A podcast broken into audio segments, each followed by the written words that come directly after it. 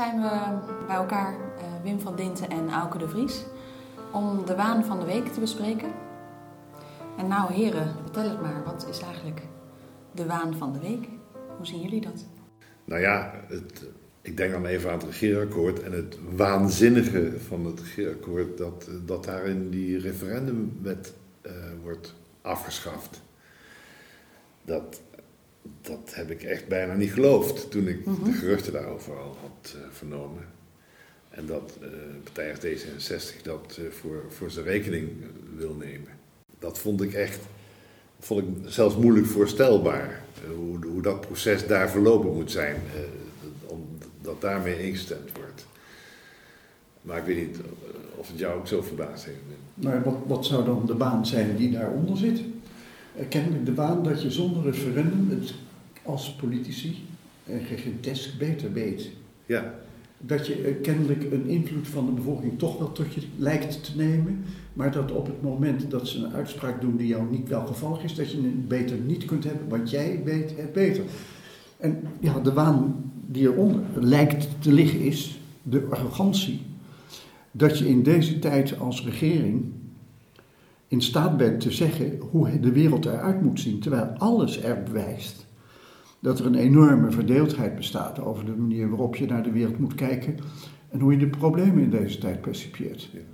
Je zou eigenlijk, eigenlijk verwachten dat ze het referendum met beide armen zouden omhelzen en een veel grotere frequentie zouden geven en veel meer gewoon gebruik zouden maken om in deze tijd van onzekerheid en moeilijk inzicht over wat er aan de hand is, eh, daar gebruik van te maken. En ik denk dat ze nu denken dat een marktonderzoekje het wel zal doen.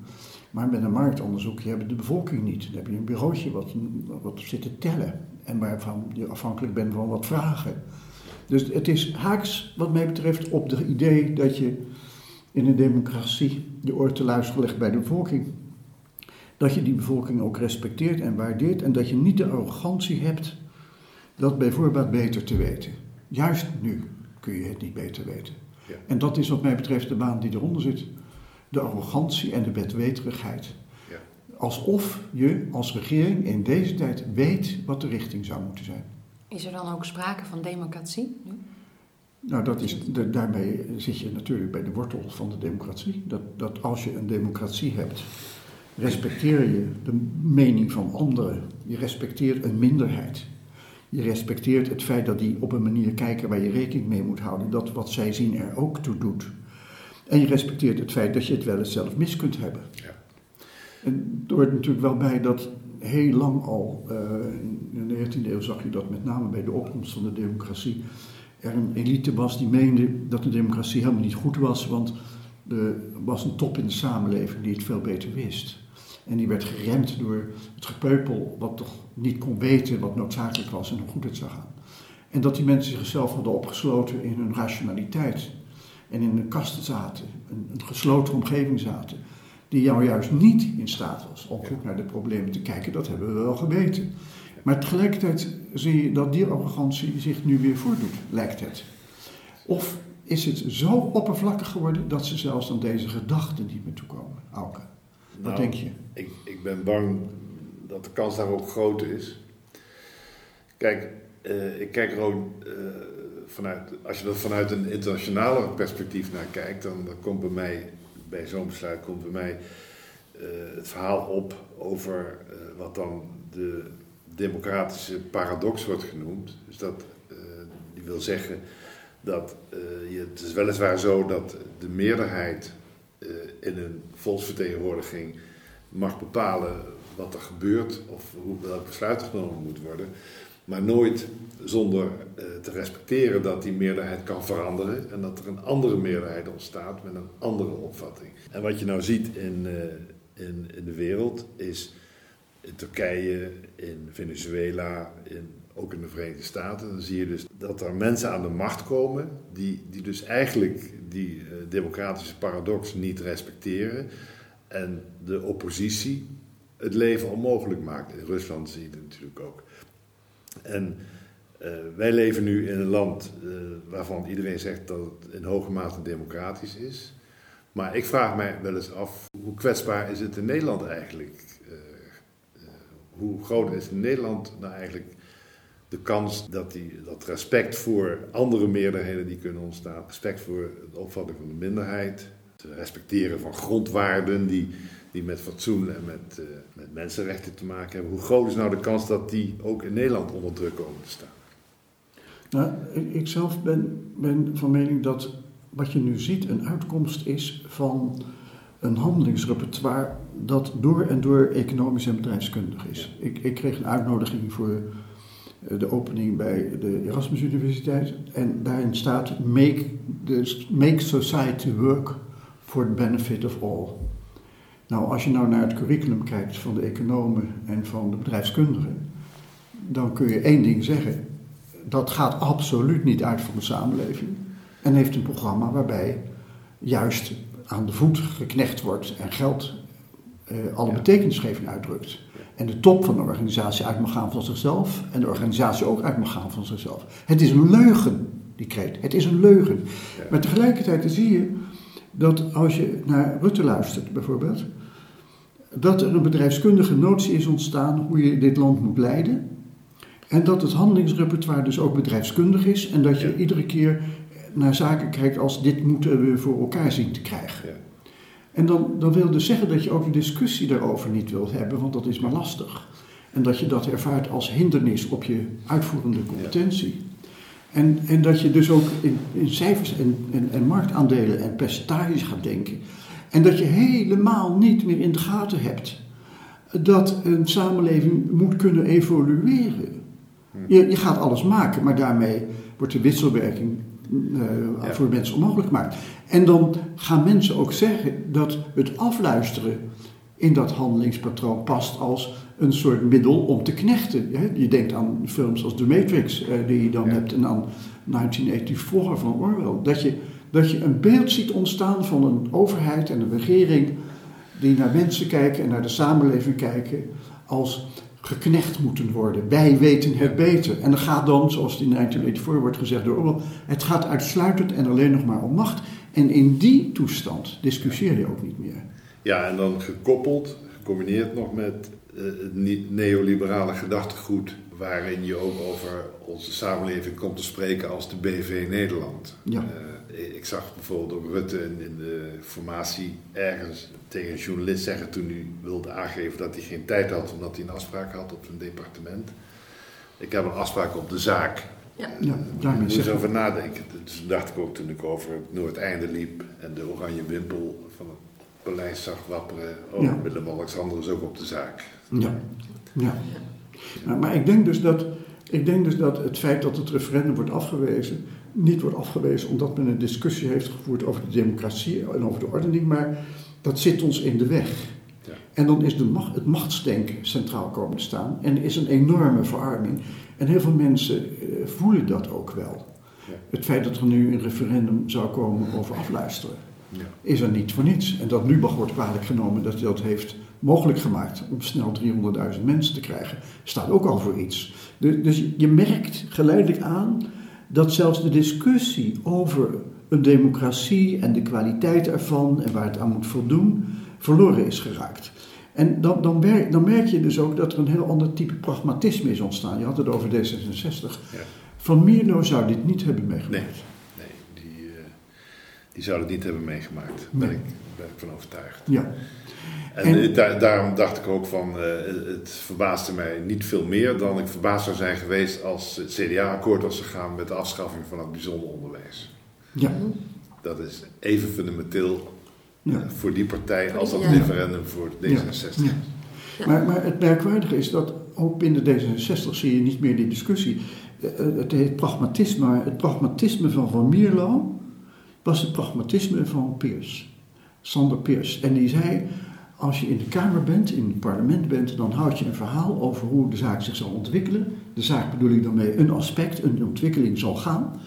En als dat gaat zoals je gezegd hebt, stijgt je prestige. En als het niet zo gaat, dan daalt je prestige. En daarom moet je het ook in het publiek doen.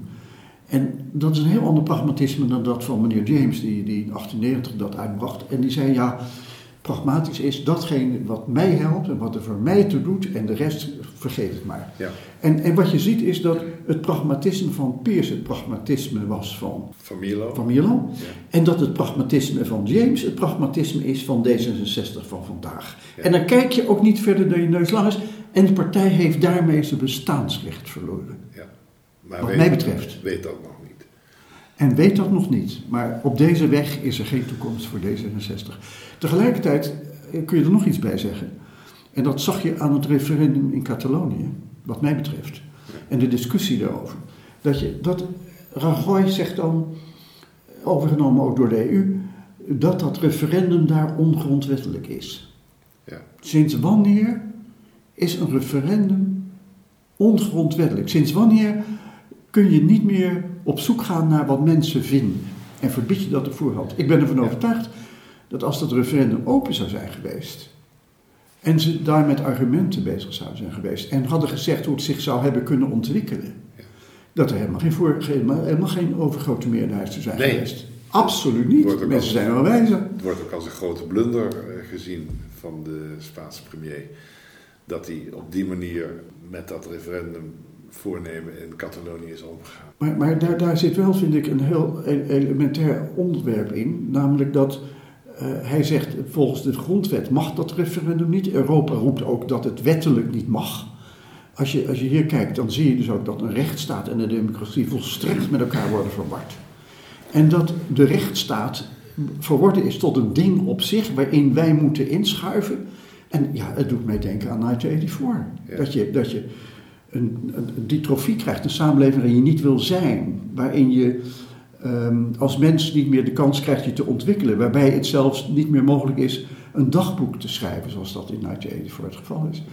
En eigenlijk zijn we daar naar op weg en voelen mensen dat ook, maar brengen het niet onder woorden. En je ziet het ook niet in de pers. Toch Een discussie als deze over de democratie en waar een referendum voor staat, die, die komt bijna niet meer langs. Nee. En ik vond zelf dat eh Wim Meijer schreef een artikel in Socialisme en Democratie, waarin hij onder andere zei dat vriend Corbyn en wat daar gebeurde heel interessant was en dat dat toch nu wel aandacht verdient. Ja, dat was van mede van zo. Als je kijkt naar zijn reden in 2015, toen hij voor het eerst partijleider was, dan pleit hij daar voor de democratische waarden. Ja. En dat als een bestuurder niet goed functioneert, moet je hem wegsturen. En weg kunnen sturen. Hij wil dat wat er voor mensen doet weer in het hart van de politiek brengen. En dat noemt hij een enorme rij die verloren zijn gegaan. Je kunt dat verhaal met gemak vertalen naar een Nederlandse situatie. Met het grootste gemak. Ik heb het niet gehoord. Nee. Nog van de SP, Nee. nog van GroenLinks, nog van de PvdA, nog van welke partij ook. En daarom ben ik het wel met je eens dat je grote vraagtekens kunt zetten inmiddels bij de kwaliteit van de democratie in dit land. En dat dat ook de echte vraag is die onder het regeerakkoord zit. Ja. En mensen achten het bijna onvoorstelbaar dat hier zoiets zou kunnen gebeuren als dat het respect voor, eh, voor nieuwe meerderheden die kunnen ontstaan, eh, dat dat verloren zou gaan. Ik ben er niet gerust, Nee. eerlijk gezegd. Nee. Ik ben er niet gerust. Nee. Nou, nou denk ik wel dat er een, eh, hier tegenover ook iets neer te zetten is. Namelijk dat als je een partij, vier partijen hebt die 76 zetels hebben en je doet dit soort dingen. En je rekent, de, je ziet alle betekenis druk je uit in geld, wat in dit regeerakkoord duidelijk het geval is. Dat ook, wat ook logisch is, want je zit met z'n vier op een totaal verschillende grondslag die niet uitgediscussieerd is overigens de, de verschillen van, van oordelen over de samenleving, hoe die zich moet ontwikkelen, wikkelen, is nog bediscussieerd in het parlement, nog in de media, nog door de pers naar boven gebracht, nog uit dit regeerakkoord gehaald. Het gaat alleen nog maar over poen. Ja. En of de een wat meer poen krijgt dan de ander en wat in de weg zit om het uit te voeren. En dat is de grootst denkbare politieke armoede, dat je Ja. dat niet meer kunt. En naar mijn oordeel ziet het er dus zo uit dat mensen dat in de gaten zullen hebben. En dat ik me niet kan voorstellen dat na deze regeerperiode deze vier nog 76 zetels zullen hebben. Ik weet niet hoe ver het omlaag zal gaan, maar ver. En als we nou kijken naar de oppositie, is die het dan waard om een meerderheid te krijgen? Dan is de enige misschien die op deze toer zit van een democratische debat, Thierry Baudet wellicht.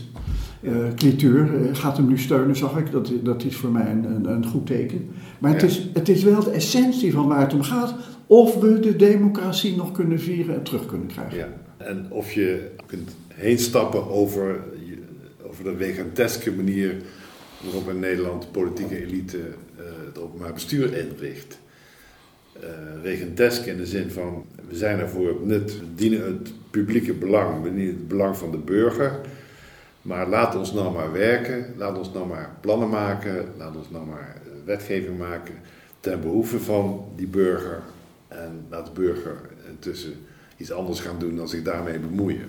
Dat is eigenlijk de, de grondslag van een regenteske manier van, van denken. Is er nog steeds.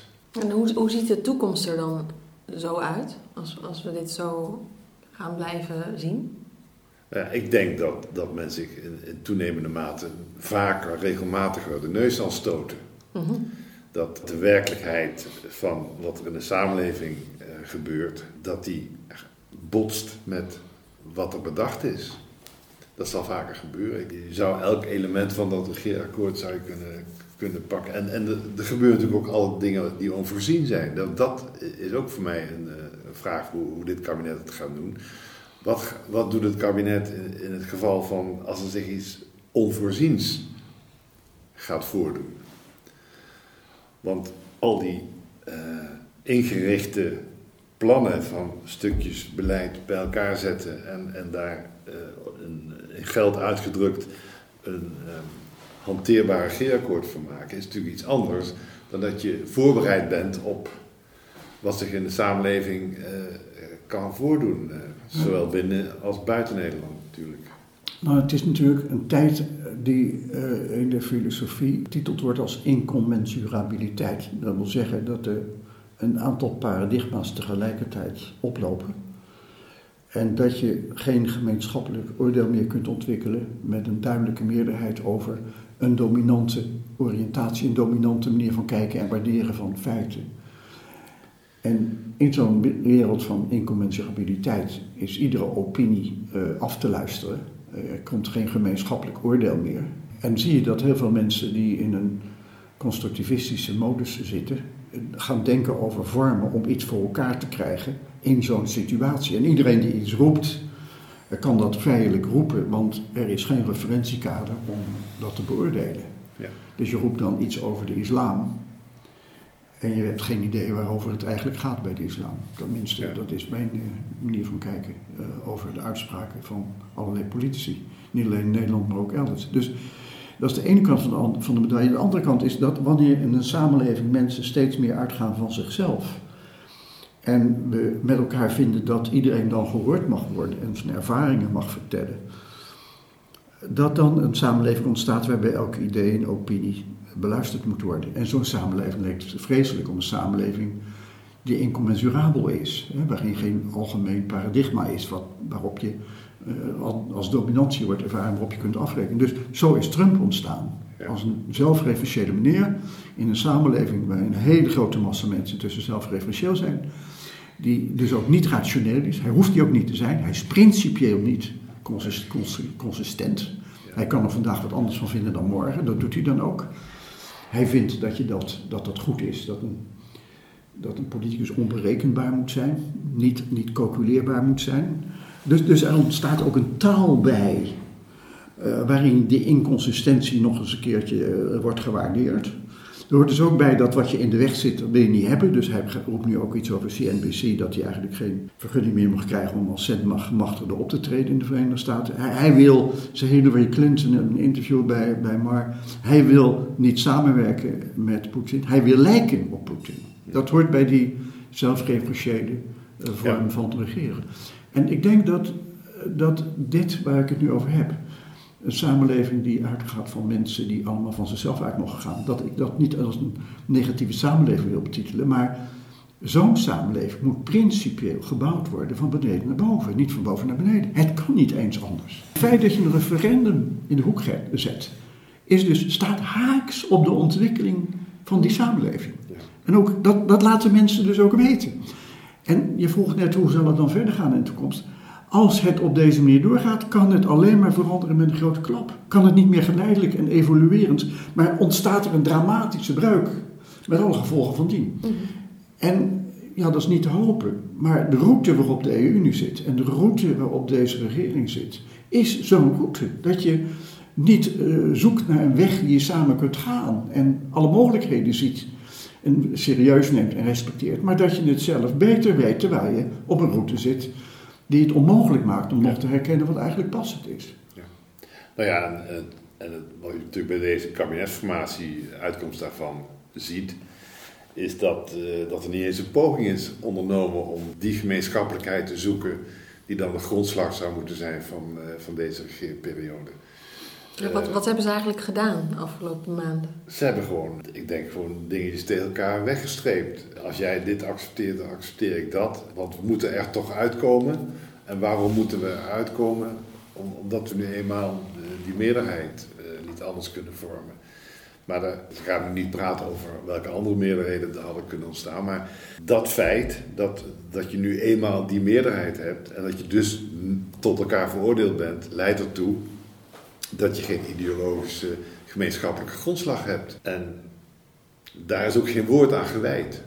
Geen woord aan gewijd. Nee. nee. Het is kwartetten vorige keer, het vorige ja. kabinet met twee partijen en nu zoals het en kwartet heeft met iedereen partijen. veroordeeld. Heeft iedereen veroordeeld en het is gewoon weer, heeft zich weer herhaald. Precies. En dat laat dus zien hoe pover, Ja. uh, inhoudelijk pover, de partijen zijn die Ja. nu aan tafel zitten. Dat is weer een verhaal op zich. Daar komen we misschien nog een, bij een andere waan over te spreken. Waarom het liberalisme is vergaan, waarom het socialisme is vergaan, waarom de christelijke partijen zijn vergaan in deze tijd. En hoe je dat zichtbaar maakt. Maar het zit er natuurlijk wel onder, de armoede. Dat Ja. geen van allen een zicht heeft op de toekomst, wat Ja. passend is bij de ontwikkelingen van deze tijd.